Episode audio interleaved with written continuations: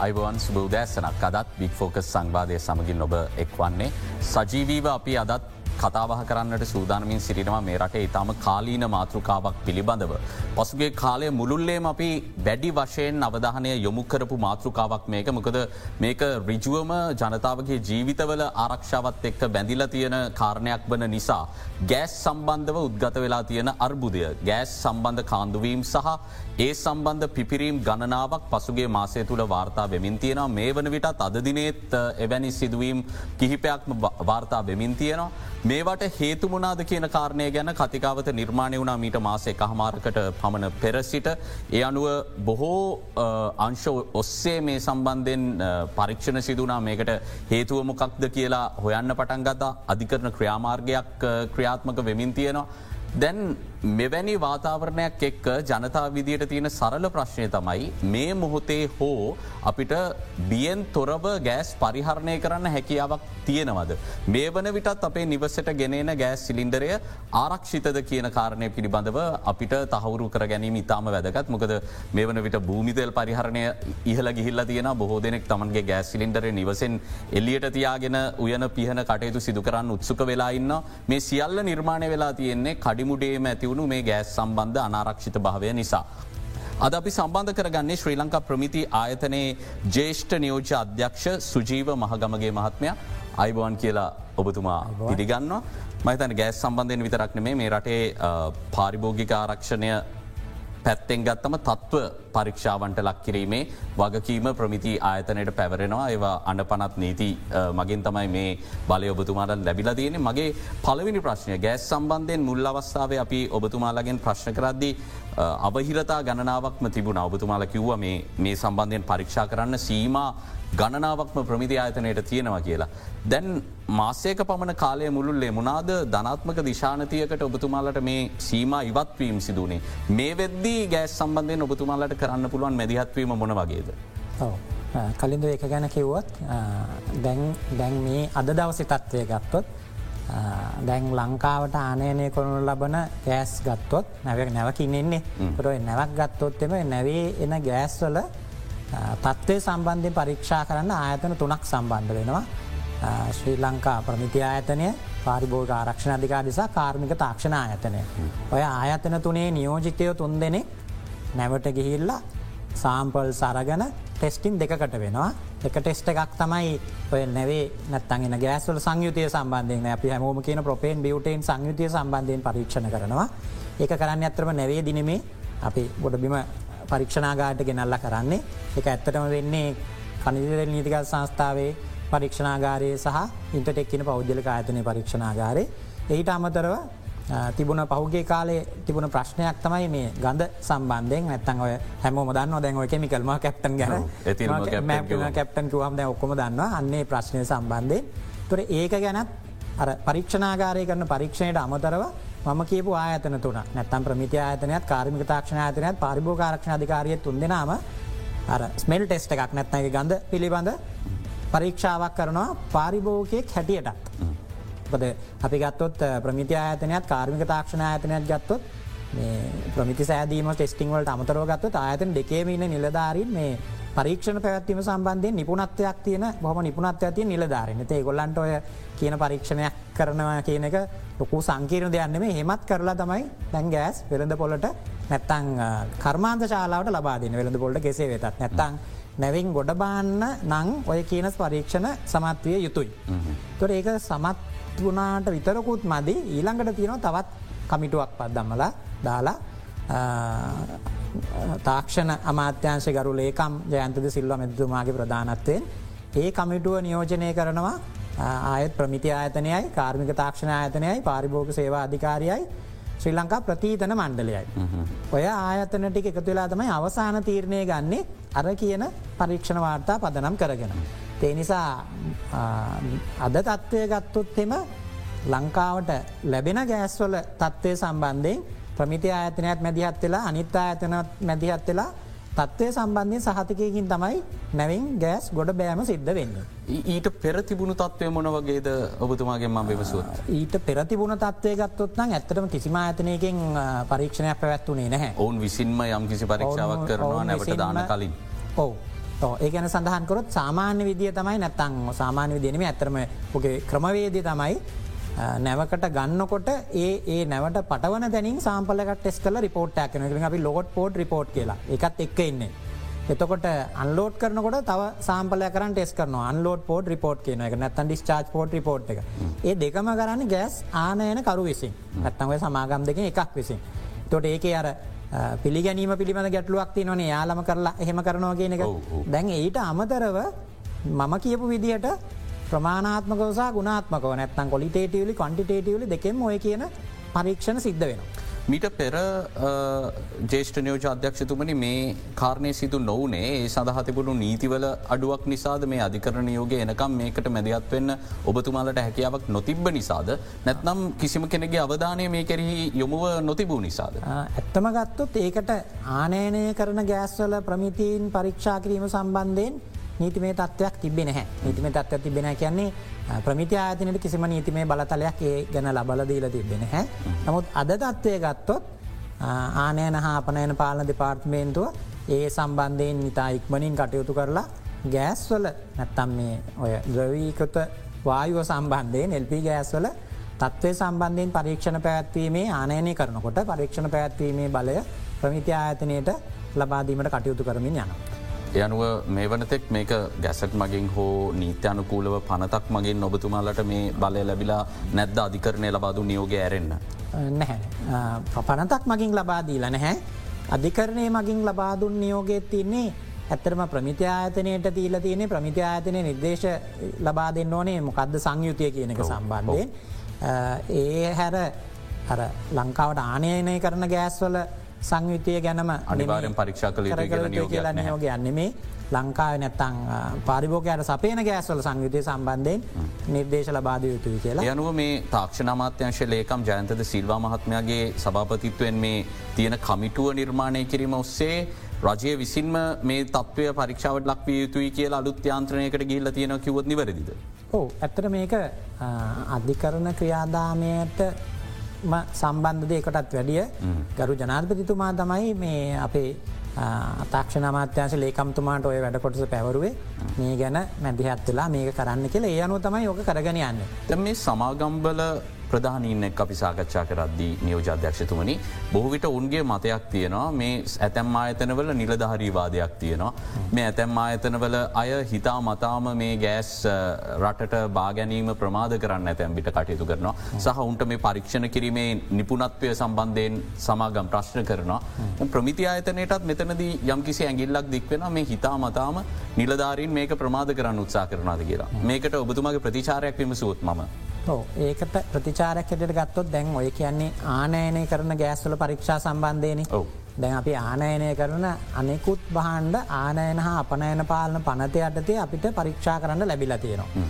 ඒ ක්‍රමවේදය ගැන කිවොත් ඔබතුමාට එකට අදහසක් ගන්න පුළුවන් වේ හොඳ.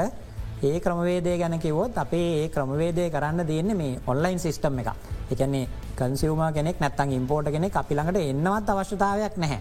එයාට එයාගේ ලොකේෂන්න එයාගේ තැන ඉඳම්ම එයාට එයාට අවශ්‍ය අදාළ ආනයනය සම්බන්ධ ඒකට අවශ්‍ය ලිපි ගොනු ඒවා අපිට සපේලා ඔන්ලයින් සිිස්ටමකින් සපේලා අපි එකෙන් සාම්පල්ලරන් ටෙස් කරලා ඩිසිෂණ එකත් ලබල දෙනවා. කස්ටම එකලසා පාරි අදාළ ආනයනකරුට. තොට ඒ කියනකට කස්ටමගෙනෙක් එන්නවත් ඕනි නැහැ. එච්චරට ස්විම්ලයින් වෙච්ච එච්චරට අපි කස්ටමාට පහසුව ඉම්පෝට පහසුකරපු සිිස්ටම්මයක් හදල දුවන ආයතනයක් ආන යන සම්බන්ධගත්තු. එතොට ඔය ගෑසුත් අපිට ලබල දුන්නොත් ඔය කියන සිිස්ටම් එකේම තමයි අපි යන්න ඕනේ. එති ඒ නිසා ප්‍රමිති ආයතනය පැත්තිෙන් කිවෝත්තෙම කකුලෙන් අදින ඇගලි දික් කරන එහෙම කිවොත් අපිට කියන්නේ ප්‍රමිතියකට යුක්ත නැති ගෑසකක් ගෙනාවත් ඒකනද හරි. ගොද ප්‍රමිතියකට නැත්තන් අපි ඒක නිකුත් කරන එක මහජනතාවට පරිභෝජනයට අනුමත කරන්න බැහැනි. මේ තිල්ම කැප්ටන් සම්බන්ධයෙන් මේ අධිකරන ක්‍රියාවලිය යන අතරවාරය අපිට මතකයි. එක්තර මහිතන්නේ පරස්පරයක් නිර්මාණය වෙලා තිබුණ. ප්‍රමිති ආයතනය එක් පැත්තකින් කියද්දී එතිල්ම කැප්ටන් ප්‍රමාණවත් විදියට යාපු නැව් දෙකක නෑ කියලා. ඒ සමාගම කිව්වා නැහැ. මෙගොල්ලො බලන්නේ වායුවේ. මේක බලන්න ඕනේ ද්‍රවේ මෙතන එතිල්ම කැප්ටන් දහතුනක ප්‍රමාණයක් තියෙනවා. මෙතන ජාත්‍යන්තර සම්මතයන් සහ ප්‍රමිති ආයතනය පරීක්ෂා කරන සම්මතයන් අතර විශාල පරස්පරයක් තියනවා මේ දැනුම සම්බන්ධයෙන් ප්‍රශ්යක් තියෙන මේක නොදැන කරන වැඩක් කියලා. එහෙම දෙයක් සිද්ධ වනාද. ඒක ගැනමං පැහැදිලි කිරීමක් කරොත්.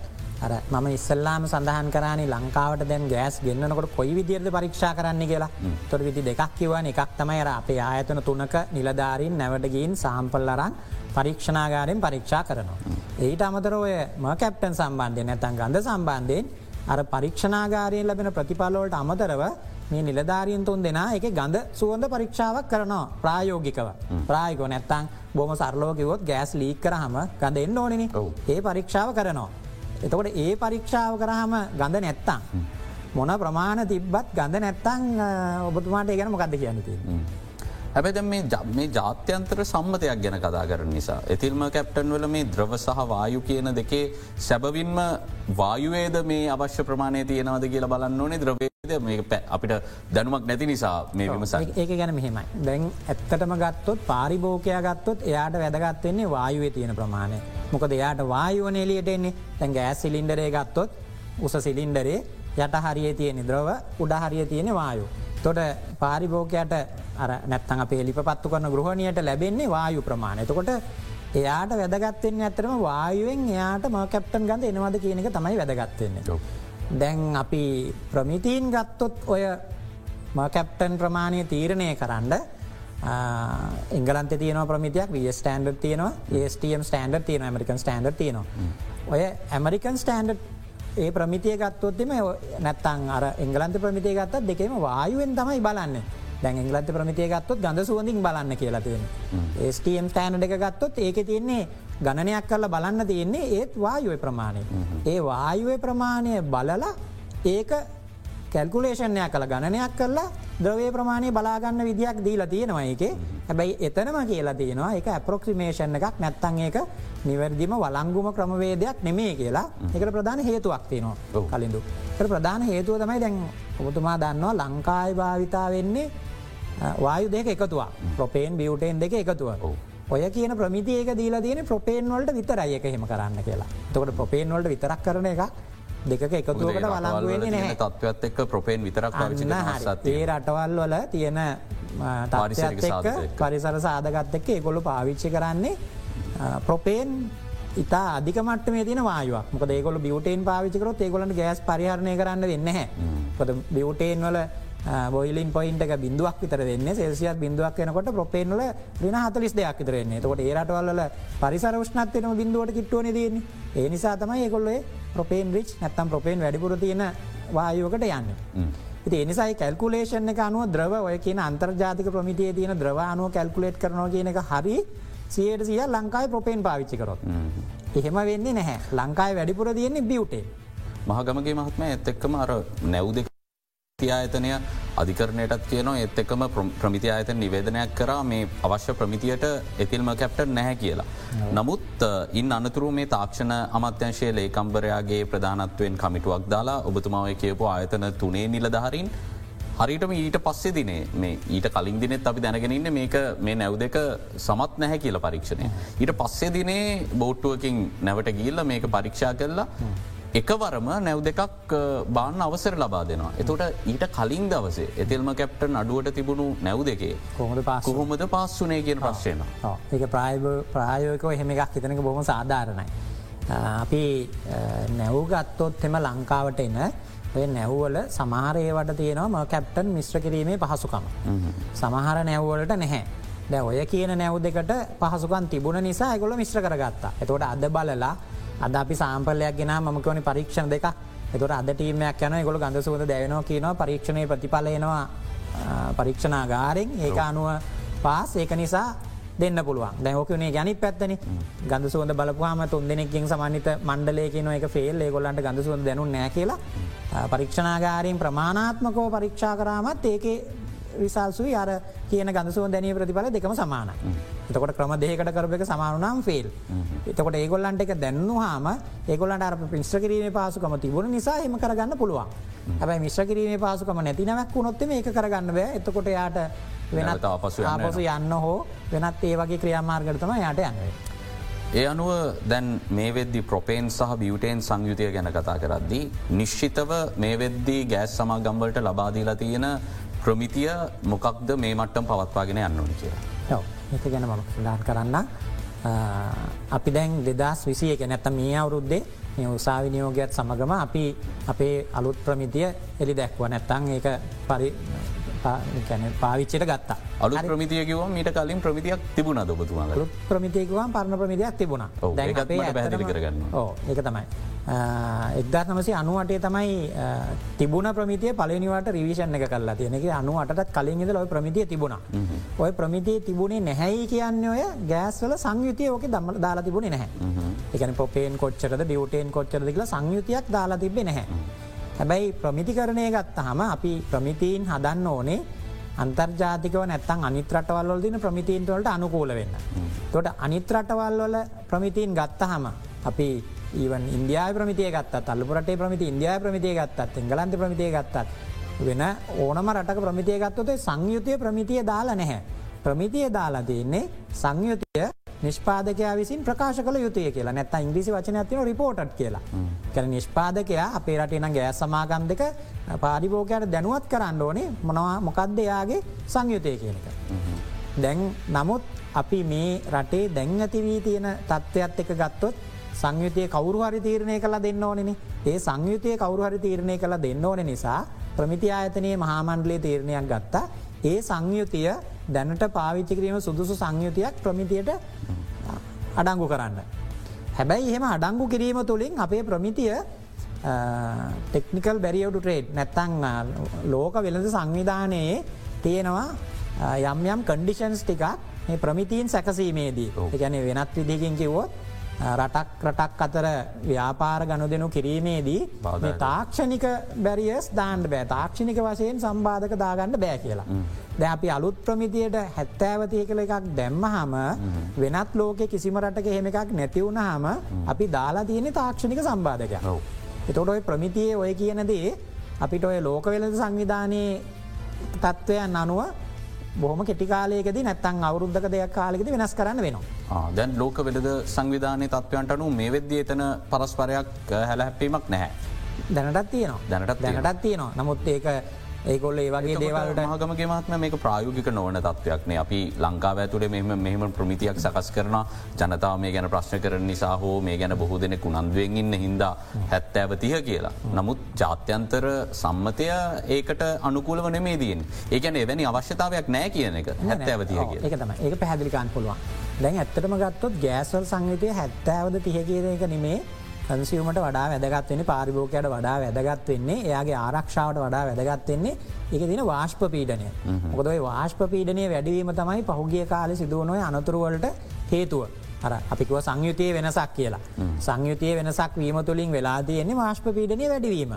තොර වාශ්ප පීඩනය වැඩි වුණාම රෙගුලේටරේට හරි නැත්තන් අර ගෑස් පරිහරණය කන බටේට හරි ලිපට හරි ඒවට දරාගන්න බැරිවෙනවා.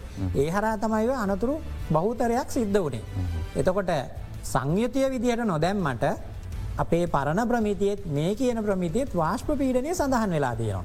තොරේ වාශ්ප පීඩනය ඒ ඒ මට්ටමට පවත්වාගෙන ගියා නං යනවා නං පාරිභෝකයට ආරක්ෂාව සම්බන්ධෙන් ගැටලුවක් වෙන්නෙත් නැහැ තත්වය සම්බන්ධයෙන් ගැටලුවක් වෙන්නෙත් නැහැ. එන නියෝච අධ්‍යක්ෂතුමනි මේ සංයුතිය ප්‍රමිතිගත කිරීමේ සඳහා මිනුම් දණ්ඩක් මේ විදියට ලබාදීම අත්‍යවශ්‍ය නොවන කාරණයක් නෙමේද. අත්‍යවශ්‍ය නොවන කාරණයක් කියනකට වඩාදැන් කියන්නේ දැ අපිට ගරු අධිකරණය නියෝගයක් දීලා තියෙනවානේ නියම කරන්න කියලා තොට අධිකරණයෝගේට අපි ගරු කරන්න ඕනේ. ඒවගේම අන්තර්ජාතික ප්‍රමිතින් සැකසීමේ තින නීතරීතිවලට ගරු කරන්න ඔබතුමාලත් නියෝජනය කරමින් නීතිඥවරු අධිකරණය පෙනී සිටිය ඔබ ප්‍රමිති ආයතනය වෙනුවෙන් කරුණු දක්වන්න. එතකොට අධිකරණයේ මනස මේ සඳහා යොමු කරන්න නීතිඥවරුන්ට තමයි හැකියාව තිබෙන මේ වගේ තමයි ජාත්‍යන්ත්‍ර මට්ටම තත්වය කියලා. එතකොට මේ සංයුතිය සම්බන්ධයෙන් තියෙන ජාත්‍යන්තර තත්වය පිළිබඳව ඔබතුමාලා නීතිඥවරු මාර්ගයෙන් ගරු අධිකරණය දැනුවත් කරන්න පියවරගත නැද්ද. පියවරගත පියවරගත් අඩැන් අපි අධිකරණයට දුන්න අදාල ලියකිවරවල් තියෙනවා. ප්‍රමිතිය මේ ප්‍රමිතිය සකස් කරේ අතරමැති ප්‍රමිතියක් විදිර නැත ඉන්ටරියම් ස්ටන්ඩ එකක් විදිට කියලා අපේ මහාමණ්ඩලේක අනුමත කරලා තියෙන්නේ. ඒක අතරමැදි ප්‍රමිතියක් විදිහට ඒක අපි දාලා තියෙනවා. අපි දැන් ප්‍රමිති ආතනින් දීලා තියෙනවන සංයුතියක් වෙනත් නියාමන ආයතනක තීරණය කරන්නේ නැති නිසා. නියාමන ආයතනක තීරණය කරන්න නැති නිසා අපි සංවිතයක් දැන් දීලා තියෙනවා. තොට අපි ඒ අධිකරණයට ඉදිරිපත් කරපු ලියවිලිවල තියෙනවා ඒවත් බලලා නියාමනායතන තීරණය කරලා ඒගොල්ල නියාමනය කරන්න ගැසට නිවේදනයක් මගින් ඒක ප්‍රකාශ කරන්න ඕනේ ලංකාවේ ගෑස් සංවිතය කෙබඳුද කියලා. එතකොට ඒකට දැනට තියෙන ප්‍රමිතිය භාවිතා කල හෙම කරන්න පුළුවන්. කොද නැත්තං අපිට අනාගතය වෙන ප්‍රශ්ය තමයි අපේ ප්‍රමිතිය ලෝක ලෝක අනිතරටවල ප්‍රමිතිත් එක් ගත්තාම කියපු තාක්ෂණක බාධකයක් වෙන්න පුළුවන් වෙළඳ කටයුතු වෙළඳ කටයුතුවලට දැන් ඒ අනුව මේක මේ ප්‍රතිශතය හැත් ඇවතිහ කියන ප්‍රතිශතය අර දීර්ඝකාලීන සධාතනික ප්‍රතිශතයක් කියලා අපිට කියන්න බෑ. කිවත් නිවැරදි.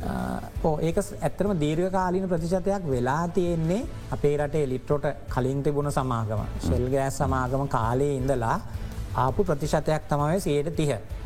ප්‍රපේන්සියට තිය කියෙනක ඉට කලින් තිබිලා තියෙනවා ප්‍රපේන්සියට විස්සයි බියටන්සිට අසුව ඒක ශෙල්ගය සමාගමෙන් තිහ හැත්තාව ගෙන ගෙනලා එක කාලෙත් එක්ක ගෙනාව. ඒ කාලෙත් එක්ක ගෙනහම ඒකට හරියන දියට තමයි අපේ රට ඉතුරු උපාංගටික හැදිල තියෙන්නේ. රෙකවලේටර් තියෙන්නේ බට තියන්නේ ඔක්කොම ඒකට හරියන්. හොඳ උදාහරණයක් කිවොත් එම දැම්මාකට්ටික ගත්තොත් තියෙන රෙගුලේටර් තියෙනවා එක ගාල තියෙනවා උපරිම පීටනය බාර්හයයි කියලා. එතකොට අර හැත්තෑව තිය කිව්වාම බාර්හය ප්‍රමාණවත්. හැබැයි පනහට පනහ වුනාම පීඩනය වැඩි වෙනකොට ඕක පීඩන යන බාරටකට විතර එතකොට අර බාරහය රෙගුලේටර ප්‍රමාණවත් වෙන්නේ එතකොට යාට දරන්න බැරීම නිසා ඒ හර අනතුරක් වෙන්න පුළුවන්.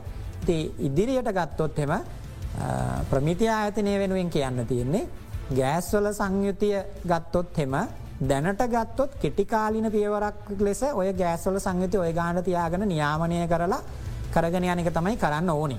එකට හේතුව තමයි අපේ පාරිභෝගයෙන්ට එක පාට්ට ඉතුරු උතුර උපකරන ඔක්කො වෙනස් කරන්න කියන්න බෑ. ඔක්කො වෙනස් කරන්න කියන්න බෑ. හෝම සාධාරණ තීරණය. ඒක කියන්න බෑ. ඒ වගේම ඒකට අනුරූප නියාමනා ඇතන නීතරීති ගේ නොන අසාධරණ දක්ගේ මතන අනිසි ජාවාරම්කරුවන් බිහිවෙන්න වෙන්නත් පුළුවන් වෙන්නත් පුළුවන්. බොහමාරය තකොට නියාමන ආයතනකට අදාළ නීතරීති ගේන්නවන්. ඒ නීතිරීති ගෙනල්ලා ඉදිරියේදී එකන් කෙටිකාලිනේ මධ්‍යකාලිනෝ දිගුකාලිනව ගත්තොත් එම අපේ තියන ප්‍රමිතින් ගත්තොත් ගෑ සිලින්ඩර ප්‍රමිතිය දැනටමත් ප්‍රපේන් වලට සූටබල් ට පස රෙගියවලේටර වෑල් බට ගෑස්ලිප් උදුන් ඒ ප්‍රමිතියනුත් අනිවාරය වුණොත්හෙම. ඒ ප්‍රමිතින් හදල තියෙන අපි සියයට සීයක් ප්‍රපේන් වලට සුදුසු වෙන්න. තොට ඒ ඒ කියන්නේ ඉදිරියේදී ඔය කියන නියාමන ඇතන අපි කියන න්‍යාමන ඇතනොලින් එක අනිවාරය කල්ලා ප්‍රමිති ආයතන මගින් නියාමනය කරොත් රටේ අනාගතයේ පාවිච්චිර ලැබෙන සියලුම ගෑස් සම්බන්ධ උපකරන සියයට සියක් ප්‍රපේන්වලට සූටබල් සුදුසු උපකරන ඒ මගින් ප්‍රශ්න ඉසරට විසදේ අපි උපංග ගැන කතාකර වෙනම කොටසකින් මට මේ උපාංග ගැන ජනතාවට පනිවිඩයක් ලබාදීමට අවශ්‍යයි. නමුත් ඊට කලින් දැන් මේ ටෙන්ඩරයක් මගින්නේ මේ සමාගම් මේ ගෑස් මේ ආනයනය කරගන්නේ. තුර වසර දෙක කාලයකට තම මේ ටෙන්ඩරේ ක්‍රියාත්මක වෙන්න කියලා ලිට්‍රෝ සමාගම අපිත් එක සඳහන් කළේ. යනුව මේ ටෙන්ඩරය ඊළඟ අවුද්ධ මතන ජනවාරි අග පෙබරවාරි වෙනකම් ක්‍රියාත්මක වෙන ටෙන්ඩරයක්. මේ ටෙන්ඩරේ සමාගමත් එක්ක උන් ඇවිල්ල තියෙන කොන්දේසිය එකඟතාවයක තමයි ප්‍රොපේන් හතලියයි බියුටේන් හැටයි සංයුතයේ උපරිම යන්න පුළුවන් කියන එක. ඒ අනුව එතන වෙළඳ ගණු දෙනුවකද එකඟතාවයකට ඇවිල්ල තියෙනවා සියට හතලියක් ප්‍රපේන් සපයන් වනත් පුළුවන් කියන කාරණ. එතකොට අපේ ප්‍රමිතියන එක බරම මේක හැත්තෑව තිය කියලා ලංකා ඇතුළ නීතියක් ගෙනාවට පස්සේ. එතනේ සමාගමට එතන ප්‍රශ්නයක් වෙන් නැද්ද ඒ හතලිය හැටක ඔවුන්ගේ මූලික ගිවිසුමේ තිබීම. මෙහිමයි. දැන් ඔය කියන ආයතනය නැත්තං ඔය ඔය ඔබතුමා සඳහන් කරන ආයතනය ඒගොල්ලන්ගේ ඔය පෝචසිං නැත්ත මිලදී ගැනීමට හදන නිර්ණයක සැකසීමේදී ශ්‍රී ලංකා ප්‍රමිතින් භාවිතා කල නෑ කිසිම කාලෙකද. භාවිතා කරල නෑ එකන වාශ්ප පීඩනය කියන එකත් එක භාවිතා කරලන ඒ භාවිතා කල කිසිදයක් ඒව භාවිතා කරලා නැහැ. එතකොට එහෙම භාවිතා නොකිරීමේ ප්‍රතිඵලය ගැන තමයි ඔබතුමා කියන්නේ. එතවට භාවිතා නොකිරීමේ ප්‍රතිඵලය තමයි එගොලු සියයට හත්තලිය නෙමේ. එකඇත්තර ගොල ප්‍රමිති ආයතනයට ලිකිතව ලබාදී ලනෙමේ නමුත් මමාර ජනාධත්තුමාගේ කමිසමේ සාමාජයකරට අපි අපේ නිරීක්ෂණය කරපුදේ තමයි ඔයගොල්ලන්ගේ ප්‍රපේන් ප්‍රතිශතය ගොල්ල සියට විසිපාත් හතලියත් අතර තමයි ගොල දීලා තියෙන ගොලගේ සැපියුම් කරවන්න. තොට සියයට විසිපාත් හතලියත් අතර කිවහම තිහ ඇතුළ තිහ ඇතුළත්. එතකොට අරක උල්ලංඝනය කිරීමක් වෙන්න තිහට අඩුවෙන් ආවත්. තිහට වැඩියෙන් ආවත් තමයි උල්ලංඝනය වෙන්න. ඒ අභිමතය තියෙන්නේ ඉල්ලන අපිටද නැත්තයි සපයන සමාගමටද කියන ප්‍රශ්නය මතු වෙන්න ඇදතෝට මේක හතලිය තියනවද විසි පහතිනවද කියන ඒක මෙහෙමයි. දැන් අවසානගත්තොත් අපේ අදාළ ලංකාවි සමාගම කාවද ආරක්ෂා කරන්න ඕනි? පාරිභෝගයාද ගෑසැපියුම් කරු දෝකන තින සරල ප්‍රශ්ට වෙන්නේ. තොට පාරිභෝගය ආරක්ෂා කරන්න නං ඒගොල්ලො ඒ වගේ සංයුතයකට යන්න කලින් ඒගොල්ලො තීරණය කරන්න තිබුණා අපේ මාකට්ටගේ තියෙන උපකරණ මෙන්න මේවට සුදුසුද කියලා. ඒම සුදුසු නැති බව ඒගොල්ලන්ට තේරුණා නං ඒගොල්ලන්ට සඳහන් කරන්න පුළුවන්කම තිබුණ පාරිභෝග රක්ෂණ අධිකාරයට සඳහන් කරන්න තිබුණ උදාහරණය කැටිට කිවොත්. අපි අපේ ගෑස් සැපියෝම ඉස්සරහට මේ විදියට වෙනස් කරනවා ඉදිරියේදී එහෙම කරහම මේ වගේ ප්‍රගුලේටර මේ වගේ ප්‍රශ්නයක් ඇතිවේවී ඒ නිසා මේක ගැන බලන්න කියලා. තිම අපි ප්‍රමිති අයතන හැටියටන අපි දැනුවත්න හෙම එකක් ඒ ගොල්ලන්ගේ ඇති හෙම සිදුවනා කියන එකක් කියන.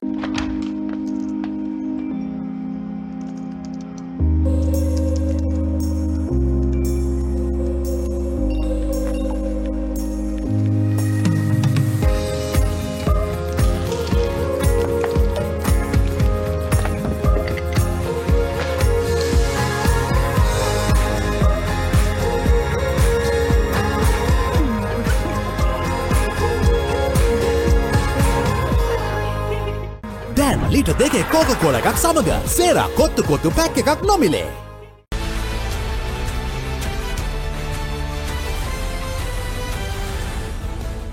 ශ්‍රී ලංකා ප්‍රමිති ආයතනයේ ජේෂ්ඨ නියෝජ්‍ය අධ්‍යක්ෂ සුජීව මහගමගේ මහතා සමගින් අපි සාකච්ඡා කරමින් සිරින්නේ මේ ගෑස් සම්බන්ධ පිපිරීම්වලට හේතුව සහ මේවා බලක්වා ගන්න මොනවගේ ක්‍රියාමාර්ගවලට ඉදිරියට අපට යන්න හැකියාව තියෙනවාද කියන කාරණය ගැන අපේ සාකච්ඡාව අපි සිදු කරගෙන යන්නේ.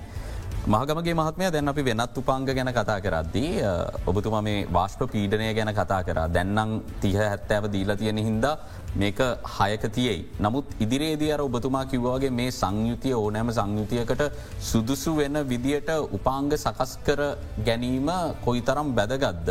සහ ඒ සඳහා දැන් අනිකුත් අයතනත් එක්ක ඔබතුමාල කොහොමත කටයුතු කරන්න ආරම්භ කරලතිී. ඔව ඒක මෙහෙමයි. දැන් අපි ගත්තොත් ඔය සංයුතය ගත්තොත් අපේ රටේ ආයතන දෙකක් තියනන ගෑස් අපේන අයතන එක ආයතනයකට ඕනම සංයුතියක් හදාගන්න පහසුකන් තියෙනවා. තන් අපි ඔන්න හිට තම මේ මිශ්‍ර මිශ්‍ර කරගන්න. ලාප් සමාගම. මං නමනොක අයට ඔබතුමා කිවවා. ඒගොල්ලන්ට පහසුකන් තියෙන ඕන සංයුතියක් හදාගන්න. අපි කිවොත් හෙට තිහයි හැත්තෑවන මේ මෙන්න මේ සංයුතය කියල කොළට හදන්න පහසුකන් තියෙනවා. අනිත් ඇතනට නැතන් ලිට්‍ර අයතට හෙම පහසුකමක් ඇත්තේ නෑ. ඒගොල්ලන්ට කරන්න කරන එකම දේ නැවකින් ගේන දේ එහෙමම බෙදහරි බෙදාහැරීම තමයි රීෆිල් කරලා බෙදාහැරීම තමයි ඒගොල්ලො කරන්න. තොට ඒගොල්ලන්ට ඒ සංවිතය වෙනසක් කිරීමේ හැකියාව නැහැ. තොට ඒ ආතනයට සිද්ධ වෙනවා අර සැපියුම් කරුට දැනුම් දෙන්න හැත්තෑවට දිහට දෙන්න කියන එක. එතකොට ඒ සැපියුම් කරුගත්තොත්ම යත් බලනවා එතකොට අනිත් රටවල්ල සංයුතය දැන් අපි ගත්තොත් ඉන්දියාව පකිස්ාන බංගලාදේශ වගේ රටවල් ගත්තොත් ඒගොල්ලන්ගේ සංගතයෙන් අතරම ති ඇත්තවනේ ඒගොල්ලන්ගේ සංගතයෙන් යන්නේ හතලිය පනාවගේ අතර යන්නේ ප්‍රපේන් ප්‍රතිශතය. හැබැයි සමාන දේශගුණික පාරිසර සාධක සාධක තිබිලා. එතකොට ඒ වගේ ඇතරම දේශගුණික පැත්තෙන් ගත්තුත් ඒ ප්‍රපෙන් පොඩ්ඩක් වැඩිවෙන්න ඕනි. මොකද අපිට වඩා සීතල පැත්තර යනවා පකිස්ානය ඉන්දිය වගේ රටවල් නිසා. හරි. එතකොට හැබැයි ඒ ආයතනවල ඒ ඒ රටවල් වල ඒ රටවල් වල අර අනිත් උපකරණ ටික. රජූලේට ටියවබින් ඒටික වැෑල්ල එක ඒටික ඒ කියන සංයුතියට සුදුසේව තමයි පාවිච්චයෙන්. නමුත් මෙහ ඒක නැති නිසා තමයි ඕක වෙන්නේ. නමුත් ඉදිරියේදී අපි ගත්තොත් දීර්ඝ කාලීනව ගත්තොත් නං අපිතන හැටියට නම් කරන්න වෙන්නේ අපේ රටේ උපාංග සියල්ලම අර අනිත් ලෝකේ අනිත් රටවල්ල භාවිතාවන සංයුතියි නැත්තං වැඩි ප්‍රපේන් ප්‍රතිශතයකට සුදුසු කරන එක වඩාත් සුදුසු වේවි ලිට්‍ර සමාගම ටිකාලීනවනේ දීර්ඝ කාලීන. ලිට්‍ර සමාගම රෙගියලේටරයක් පෙන්වල කියන මේක වාශ්පපීඩනය දහයක් දරාගන්න පුළුවන් මට්ට මේකක්. සාමාන්‍ය රෙගුලේටරේක දහයක්වත් මේක දරාගැනීමේ හැකියාව තියෙන්න්නවනේ නිසා අපේ වැඩිවෙන්න වනම් වැඩිවෙන්න පුළුවන් අට දක්වා පමණයි ඒහමුණට පස්සේ මේ අපේ වරදක් නෙමෙයි රෙගුලේටර් වල වරදක් නිසා පරිභෝගින් රෙගුලේටර් මාරු කරගන්න ඕනික. දැන් රට ඇතුළේ රෙගුලේටර් වලට නිසි සම්මතයක් ප්‍රමිතියක් නොතිබීමේ වරදකාගෙද. ප්‍රමිතියක් නෑ කියන්න බැහැ ප්‍රමිතිය අපි හදලා තියෙනවා. ආයත්කුවොත් මට මතකැට එක්දසමසය අනු අට විතර ප්‍රමිතියක් තියෙනවා. ඒ ප්‍රමිතිය අර අපි හැමදාම කිය දෙතා ප්‍රමිතියක් හැදුවට එක නීතියක් නෙමේ ඒක වාශ්ව පීඩනය කොපමන සංඛ්‍යාවක්ද තියන්නේ ප්‍රමිති බාර්ධාසයකටනක යන්න පුළුවන් එකැන සියයට සීයක් ප්‍රපේන්වලට සුදුසු එක සියයට සියක් ප්‍රපේන්වල සුදුසු එක. එතකොටම සාමාන්‍ය කෙනෙකුට එන ප්‍රශ්තම මේක මෙතනදම නිරාකරණය කරගන්න ඕනේ හිද. ප්‍රමිතිය තියාගෙන ඇයි ප්‍රමිති අතනය බලන්න නැත්ති කියලායි බලන්න බැරි. ප්‍රමිති තියාගෙන ප්‍රමිතිය ඕක ඇත්තර ඉතා හොඳ ප්‍රශ්නයක්. අපිට වැඩියන දෝෂාරෝපනයක් තමයි ප්‍රමිතියක් තියාගෙනයි බලන්න ඇත්ත කියනක. ඒකට ඒක පැහැදිලි කොරොත් ප්‍රමිති ආයතනය කියන්නේ නීති ක්‍රීති ක්‍රියාත්මක කරන ආයතනයක් නෙමේ. අපි කරන්නේ නීතිරීති ක්‍රියාත්මක කරන ආයතනවලට පහසුකන් සැලසීම. එතකොට ප්‍රමිතියක් සෑදීම තුළින් තමයි පහසුකන් සපයන්න ඒකැන මේ සඳහා ප්‍රමාණික දැනුමක් තියෙන විද්වතුන් ඉන්න තැනක් තමයි ප්‍රමිති ආයතනය ඒ හැරෙන පොලිසියක් නෙමේ පොලිසියක් නෙමේ. නැත්තං අර නියාමනායතනයක් නෙමේ. නමුත් නියාමනායතනයක් මගින් අපිට බලතල ලබල දුන්නාම අන්න ඒ කොටස අපි කරලා ඒ නියාමනායතනයට ලබල දෙනවා. මෙවෙදි පාරිභෝගික ආරක්ෂණ අධිකාරයට හෝ එවැනි බලතලයක් තියෙනවද ඔබතුමාලා ඔය කියන දීර්ඝ කාලයක් මුල්ලේ තිබුණු ප්‍රමිතිය පරීක්ෂා කල බලන්න උන්ට බලතල තිනද මේ වෙලා පරිභෝගාරක්ෂණ අධිකාරයට බලතල තියෙන. හරිභෝගාරක්ෂණ අධිකාරය නමින්ම කෙනෙදර පාරිභෝගික ආරක්ෂාවනි ඔවුන්ට බලතල තියෙනවා ඔයකින උපාංග පරීක්ෂා කරන්න. ඒ වගේම උන්ට බලතල තියෙනවා අවශ්‍යනං ඔයකින උපාංගවලට එස්සෙල්ලෙස් ලාංචනය අනිවාරය කරන්න බලතල තියෙනවා. එම බලතල තියෙනවා ඇතනයට.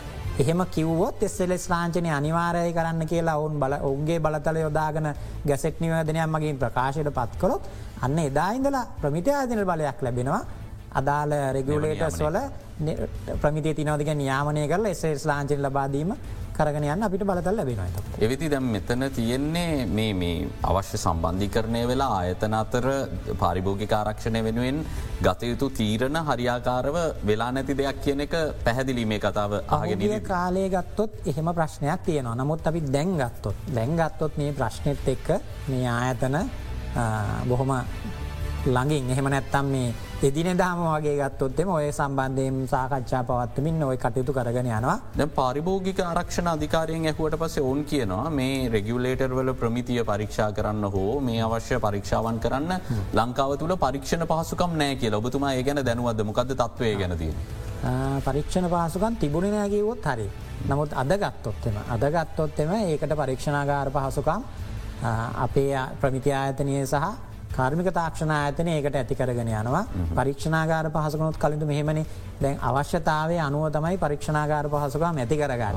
එකන්නේ මොක්කරි අවශ්‍යතාවයක් කාවත් ඉක්මනින් එකට පරීක්ෂණාගාර පහසුක ඇති කරගන්න දැන් හොඳ මුදාහරණය මා දන්න ධර්මින් කාර්මික ආරක් කාර්මික තාක්ෂණ ඇතනය ඔය ගෑස් නල පරීක්ෂා කරන්න පොක පරීක්ෂණාගර පහසුකන් ඇතිකරගන තිවරයි කියලමට අපිට දැනුම් දුන්න. රෙගුලේටරවලට පරීක්ෂණාගර පහසුකන් ඇතිකරගන්න සෑහන මට්ටමකට කරගන තියනෝ කියලා දැනුම් දුන්න ප්‍රමිති ආයතනයක් ඒ වගේ.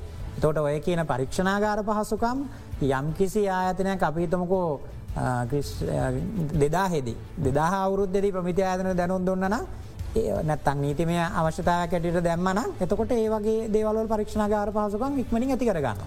දැන් මමකට තා පොඩ්ඩක් ඇත් කරන්න දැන් මම රිස්සලක් වන ආනයන අපනයන පාලන පනත.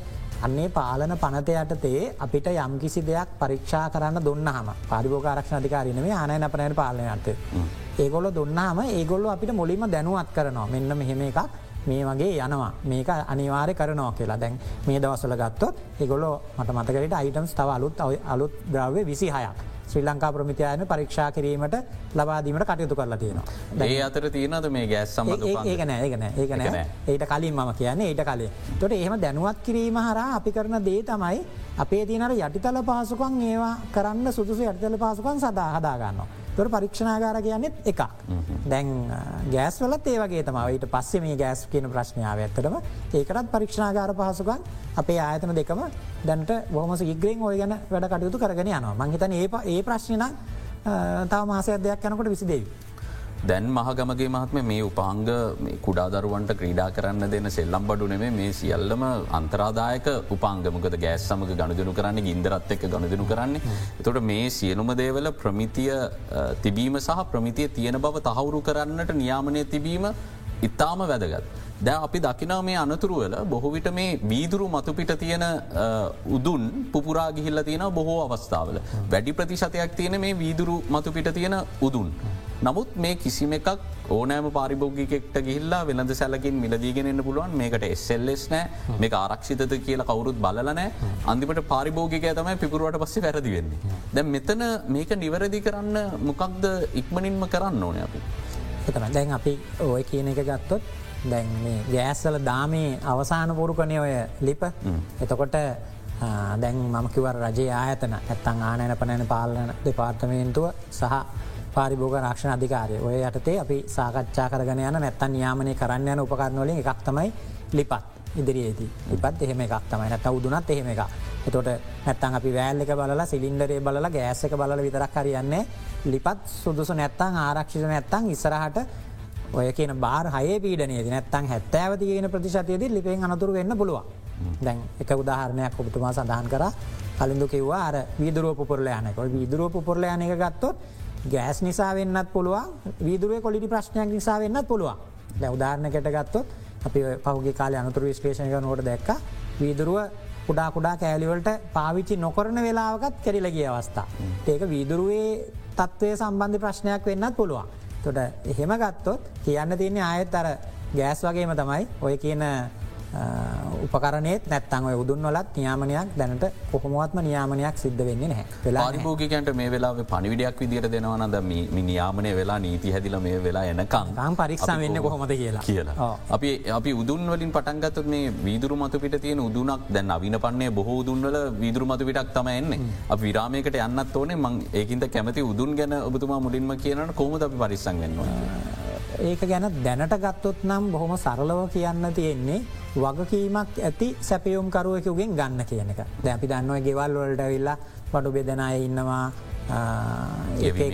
ක්‍රමයට දෙනයින්න එකක විදි තියනවා. ඉති එහෙම වගකීමක් තියෙනවා නම් ප්‍රශ්නයක් නෙමේ. නමුත් අපි දන්නවා ලංකාව දැන් වගකීමක් ඇති ආයතන තියෙනවනි. දොට ඒගොල්ල කියන දෙයක් තමයි එහෙම එකක් වුණොත්තෙම ඒගොල්ල වග කියනවා. වගකීම් සහතිකයක් දෙනවා. තොට අන්න ඒ වගේ වගකීමක් ඇති ආයතනකින් ගත්තොත් ඕක දැනට ගත්තොත් ඉස්සරහට මේ දැනට ගත්තොත් මගහරගන්න පුළුවන් නියාමනය කරනකා.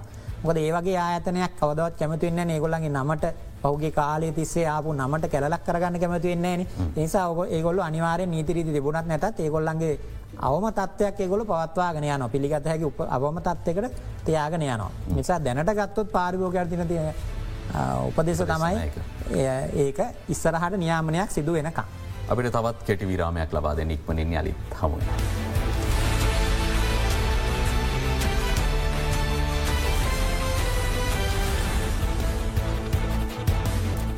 ශ්‍රී ලංකා ප්‍රමිති ආයතනයේ ජේෂ්ඨ නියෝජ අධ්‍යක්ෂ සුජීව මහගමගේ මහත්මයා අපිත් එක රැඳී සිටින බික් ෆෝක සංවාදය.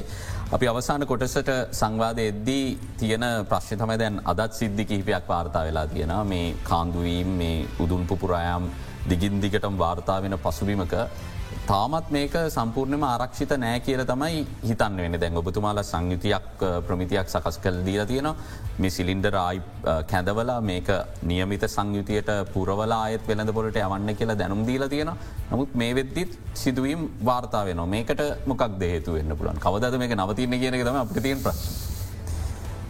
අපිට ගැන පාරිභෝගයට තියෙන ප්‍රශ්න. ඔබතුමත් ඇතුළු පාරිභාර තියෙන ප්‍රශ්න. මේ මැදැන්ව ගෑසල අනතුරු ගත්තොත් ඕක කොටස් තුනකට බෙදන්න පුළුවන්. එකක් තමයි ගෑසල සංයුතය නිසා ඇතිවෙන ප්‍රශ්නය ඒ ප්‍රශ්නය දැන් නිරාකරණය කරලා තියෙන්නේ. අද වෙනකොට ඒක නිරාකරණය වෙලා තියන්නේ ලංකාවට ආනයනෙකොට ලබන සියලුම ගෑසල සංයුතීන් අර තිබුණ පරණ සංයුතියට. නැත්තං ශෙල් ගෑස් සමාගම කාලි සංයුතයට නැත්තන් ලිට්‍ර ගෑ සමාගම මේ අවුද්ධ මුල විතරෙනකං පාවිචි කරපු සංයුතයට ඇවිල්ලතියෙන. තුර සංයුතය නිසා වෙන ප්‍රශ්න දැන් විසඳලා තියෙන. ඊළඟ ප්‍රශ්නය තමයි ඔය උපකරණවල ප්‍රශ්න ඒකන උපකරණවල ප්‍රශ්නක හම පෞගේ කාලය චනතුරුත් එක්ක ඔබතුමාලත් දන්නවා කලින්ද ඔගොලොත් බලලා ඇද කල දෙනවා වැෑල් එකින් ලීකුණා කිවා. ඔය වැෑල් එකින් ලීක්කෙනවා කියන ප්‍රශ්නය පාරිභෝකයට නැත්තන් අපේ ගෘහණයට කරන්න පුළුවන් දෙයක් නෙමේ. ඒක අදාළ ගෑස් සපයන සමාගම විසින්ම කළ යුතු දෙයක්. තොට ඒකොල්ලන් කරන්න ඕන දේ තමයි ඔය ගෑස් වැෑල්ලකින් ලික්ෙනවන වැෑල්ලක කොලිටි ප්‍රශ්නයන දෙන්නේ තොට වැෑලක මාරු කරන්න වෙන වැෑල්ලක රපයාර කල හදන ප්‍රශ්නයන්න වෙදින වැෑලක මාරු කරන්න. තොට එම ලීක්වෙන වැෑල් ඔක්කොමටික මාරු කරොත්හෙම සිලින්ඩරෙන් ගෑස් ලීක්වෙන ප්‍රශ්නය නැති වෙනවා. එතකොට එන වායෝ හොඳයි. සිලින්ඩරේ වැෑල්ලකින් ගෑස් ලීක් වෙන්නේ නැහැ. නැත්තම් මේ සංයුතිය ඔබතුමාලගේ ප්‍රමිතියට තිබත් වැල්ලගේ ප්‍රශ්නයක් තියෙන න වෙන්න පුළුවන්. නිවාරෙන් වෙන්න පුළුවන් ඊළඟට ගෙදරින් වෙන්නෝද ඒ තමයි වෙන්න ඕන දේ තමයි අපි ඒකට සුදුසු උපකරණ ටිකක් තියෙන එක. තොට මංහිතන මේ වෙනකොට ඇත්තරම අපේ පාරිභෝකය බොහොම බය නිසාම රෙගුලේටරද බටද ඔය කියන ටික ගොල්ලො මාරු කරලා තියෙන ඒකන අපිට උපදෙසක් විදිර දෙන්න පුළුවන් ඔබට හැකියාවක් තියෙනනම් මේ වෙලාවේ. හුඟක් පරණ වෙලානම් මේ බටටික පුළුවන් මාරු කරගන්න එක තම හොඳ සාමාන්‍යෙන් ගත්තොත් සාමාන්‍ය මේ නෝම එක තමයි පිළිගත පිළිගන්න ප්‍රමිතිය තමයි රෙගුලේටර් අවුරදු පහයි වලංගු බටේ වලංගු අවුරුදු දෙකයි. අවුරුදු දෙකයි. තුර වැෑල්ලකත් අවුරුදු පහතම එක ඉතින් ඒක කරන්න දෙන්න. එක මාරු කරන්න ඕනේ. ආයතනය මගේන්නේ කන ආයතනය ඒ කොටස කරොත් එතකොට ගෑස් සැපිවම රජයේ දැන් මේ ආයතන මගින් පාලනය කරලා තියෙන්නේ. ගෑස් සැපිව් මේ තත්ත්වය. එතකොට ආයතන දෙක වැෑල් එක සිලින්ඩරේ තත්ත්වය පාලනය කරලා දුන්නොත් ගෑස් ලීක් නොවන සිලින්ඩරයක් තමයි ගෘහණයට ගෙදරට හම්බ වෙන්න. පරිභෝකින් විදිට අපි කොහොමද මේ වැෑල්ල එක පරීක්ෂා කරගන්න පුල එකැන පාවිච්චි කරන කලින් මේක වැෑල් එකෙන් කාන්දුවෙන එකක්ද නැද්ද කියලති හොයාගන්න. දැනට ගත්තොත් මංහිතන දෙංගෝක අපේ පාරිභෝක හොඳටම දන්නද. නමුත් ආයත් කිවොත් දැනට උනත් ගෙදරට සිලින්ඩරයක් ගෙන හම ප්‍රමිති ආයතනට අනත් අනිකුත් රජ ආයතනට තහවරුවක් කරන්න බෑ වැෑල්ලක මේ ගොල්ල රිපලස් කරාද හරියට බල්ලද කරමකද ඒ ආයතනයේ කර්තාවයක් නිසා ගෑස් අපේන ආයතනය කර්තාවයක් නිසා. ඒක කරාද නැති කියනක බලාගන්න තියෙන්නේ. අර පාර්භයකො දන්න සබම් පෙන දාලා තමයි බලන්තියන විදි දෙකක් එකක් ඇතුළට වැඩිය අර වැෑල්ලක ඇතුළෙන් ලේක්කනොට වැඩිය කරවටෙන් නැත්තන් සිලින්ඩරේට වැෑලක හයිකල තියන වට ලේක නොද කියනක තම ඉතා වැදගත්වෙන්නේ බලන්න. හේතුව එතනින් ලීකුණොත් නවත්තන්නම බැහැ හැබයි අර ඇතුලින් ලීකුණොත් ප්‍රිකුලේටරේ හයිකරට පස්සේ ඒ හරහනය දරගන්න ඒ හරහනයන්නේ එකන්ද වෙන අනතුර සීමාව වෙන නමුත් අර ලීකක තිබ්බොත් කෝමත් වෙන්නේ එනිසා තවදුරටත් පාරිභෝකයන්ට කියන්න තියන්නේ ගෙදරට සිලින්ඩරක් ගෙනම අර කියන ලීක් ලීක්දක තියෙනවද බලන්න කියලා. මොක ඒක දැම් බලන්න එක ඒගොලන්ට පහසු වෙලා තියෙන කලින් මේ ගොල්ලන්ගේ වැදීම කැප්ට දාලා තිබෙන නත ඇතුර ගදක් තිබුණ නෑන එකද පාරිභෝකය දන්නේ නෑ ඇත්තට මොය කාන්දුවක් තියෙනනම් ගඳ දැන් කාන්දුවත් තියනනම් ගඳ එනවා. මොකද ඒගොලන්ට එඩ කලින් ගඳ තියෙනවද කියෙන ප්‍රායක පරීක්ෂණය ප්‍රමිති ආයතනය කාර්මික තාක්ෂණ ආයතනය පාරිභෝග ආරක්ෂණ ආයතනය කරන ප්‍රායකෝ ගඳ සුවඳ බල්ල ඒට අමතරව රසායනකාර පරීක්ෂණයක් මගින් ප්‍රමාණාත්මකොත් තීරණය කරනවා. නිසා දැන් පාරිභෝගයට ඒ පැත්තිෙන් ගඳ දැනවාද කියන එක ගැනගත්තු එයාට ගඳ හොඳට දැනවාද දැනෙන මට්ටමක තියෙනවා. ඒ නිසා එයාට පුළුවන් අනතුරක් වෙනවන එයා දන්න මොකක්ද ඉස්රට කරන්න ඕන කියලා. ද මේ වන විටත් ආනයන අපනයන පාලක ඔබතුමාලට ලබාදීල නෑ මේ උපාංග පරීක්ෂා කිරීම සඳහාවන හෝ ඒ අනුමැතිය ලබාදීම සඳහාවන එසෙල්ලෙස් අනිවාර කිරීමක් සිදු කරල නෑ. එසෙල්ලෙස් අනිවාරණ මේ එක අපි කිය එසෙල්ලෙස් ලාංචන අනිවාර කිරීම කරන්න ඕනේ. පාර්භෝග එකෙන් ලබලදීල නැහැ. ආනයන අපනයන පාලන දෙපාර්තමේන්තුවෙන් ඇතරම වෙන් එසෙලෙස් ලාංචන අනිවාර කිරීමන මේ කවරු හරි කෙනෙක් ආනයනය කරනවා නම් ඒක ප්‍රමිතියට අනුකූලද කියන බර නිර්දේශය දෙන එක. එක දැනටගත්තොත් ගෑස් වලට නැත්තං එල්පි ගෑස් වලට දැනට ගැසට් නිවේදනයක් මගින් නෙමේ. නමුත් එකොල අපිට ලිකිතව දන්නවල තියෙනවා. ඒ අපිට ලබා දෙනවා.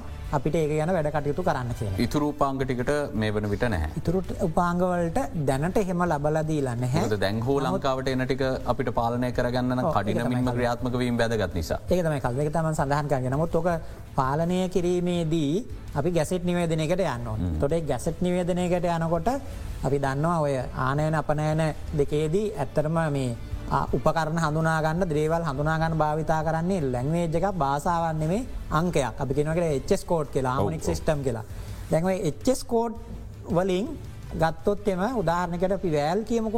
වෑල් ගත්තොත් එම වෑල් ගත්තොත් වෑල් වර්ග තියන ගොඩ ආක්තියනවා එකක් තමයි එල්පි ගෑස්සල වැෑල් රෙගුලේට ගත්ත ගොඩ ආක්තියනවා එතකොට දැන් ඔය කියන එච්ස් කෝඩ් දැනට තියෙනවා. ඒවා තවත් ෆයින්ටියුන් කරලා නැත්තං ලංකාවට ඔය කියන එල්ප ගෑස් ගෙනෙද්දී කොයි එච්චෙස් කෝඩ්ඩොල කොහොමද යන්න කියන එක ශ්‍රී ලංකාරයකුවත් ප්‍රමිති ආයතනයත් ට්‍රශරී නැත්තමා බාණ්ඩාකාරකට ඉදා දාල ආයතනයත් අදාළ දෙපාර්තමේන්තුවත් එක්ව කටයුතු කරගෙන යනවා. මම හිතනවා තව සති දෙක තුනක් ඇතුළත වගේ කාලයක් වෙනකොට ඔය කියන ගැසට් නිවේදන ටික නිකුත්වීමට නිකුතේවී කියලා මාසයක්තරයාවට. බෙවින්ම ස්තුතිවන්ත වෙනවා ශ්‍රී ලංකා ප්‍රමිති අයතනයේ ජේෂ්ඨ නියෝච අධ්‍යක්ෂ සුජීව මහගමගේ මහත්මයට අද අපිත් එක්ක සහභාගි වුණට මොකද ජනතාවට මේ තොරතුරු ඉතාම වැදගත් මේ දිනවල යම් කිසි ආකාරයක සැකයකින් ගෑස් සිලින්ඩරේදයා වගේම මේ උදුන ඇතුළු හැම කාරණය දිහම් බලන්න සිද්ධ වෙලා තියෙනවා අපිට වාර්තා වෙන සිදුවීම් එක්ක. ඔබට දැනුමක් ලැබුණ ගෙල අපි විශ්වාස කරන මේ වන විට තියෙන තත්ත්වය පිළිබඳව. ඉදිරියේදී මේ සියලු උපාංග නියාමනය කිරීම සඳහවශ්‍ය වැඩ පිළිවෙල සිදුවෙයි කියන විශ්වාසය එතුමා පල කරනවා. අපි අදට බික්‍ෆෝකස් සංවාධයෙන් සමුගෙන යන්නේ මේ තොරතුරුටික ඔබට දෙන ගමන් මිළඟට පුළුවන් ඔබට අද දෙරන දහවල් ප්‍රධාන ප්‍රෘති ප්‍රකාශය සමඟ එක්වන්න ඔබට සුපති.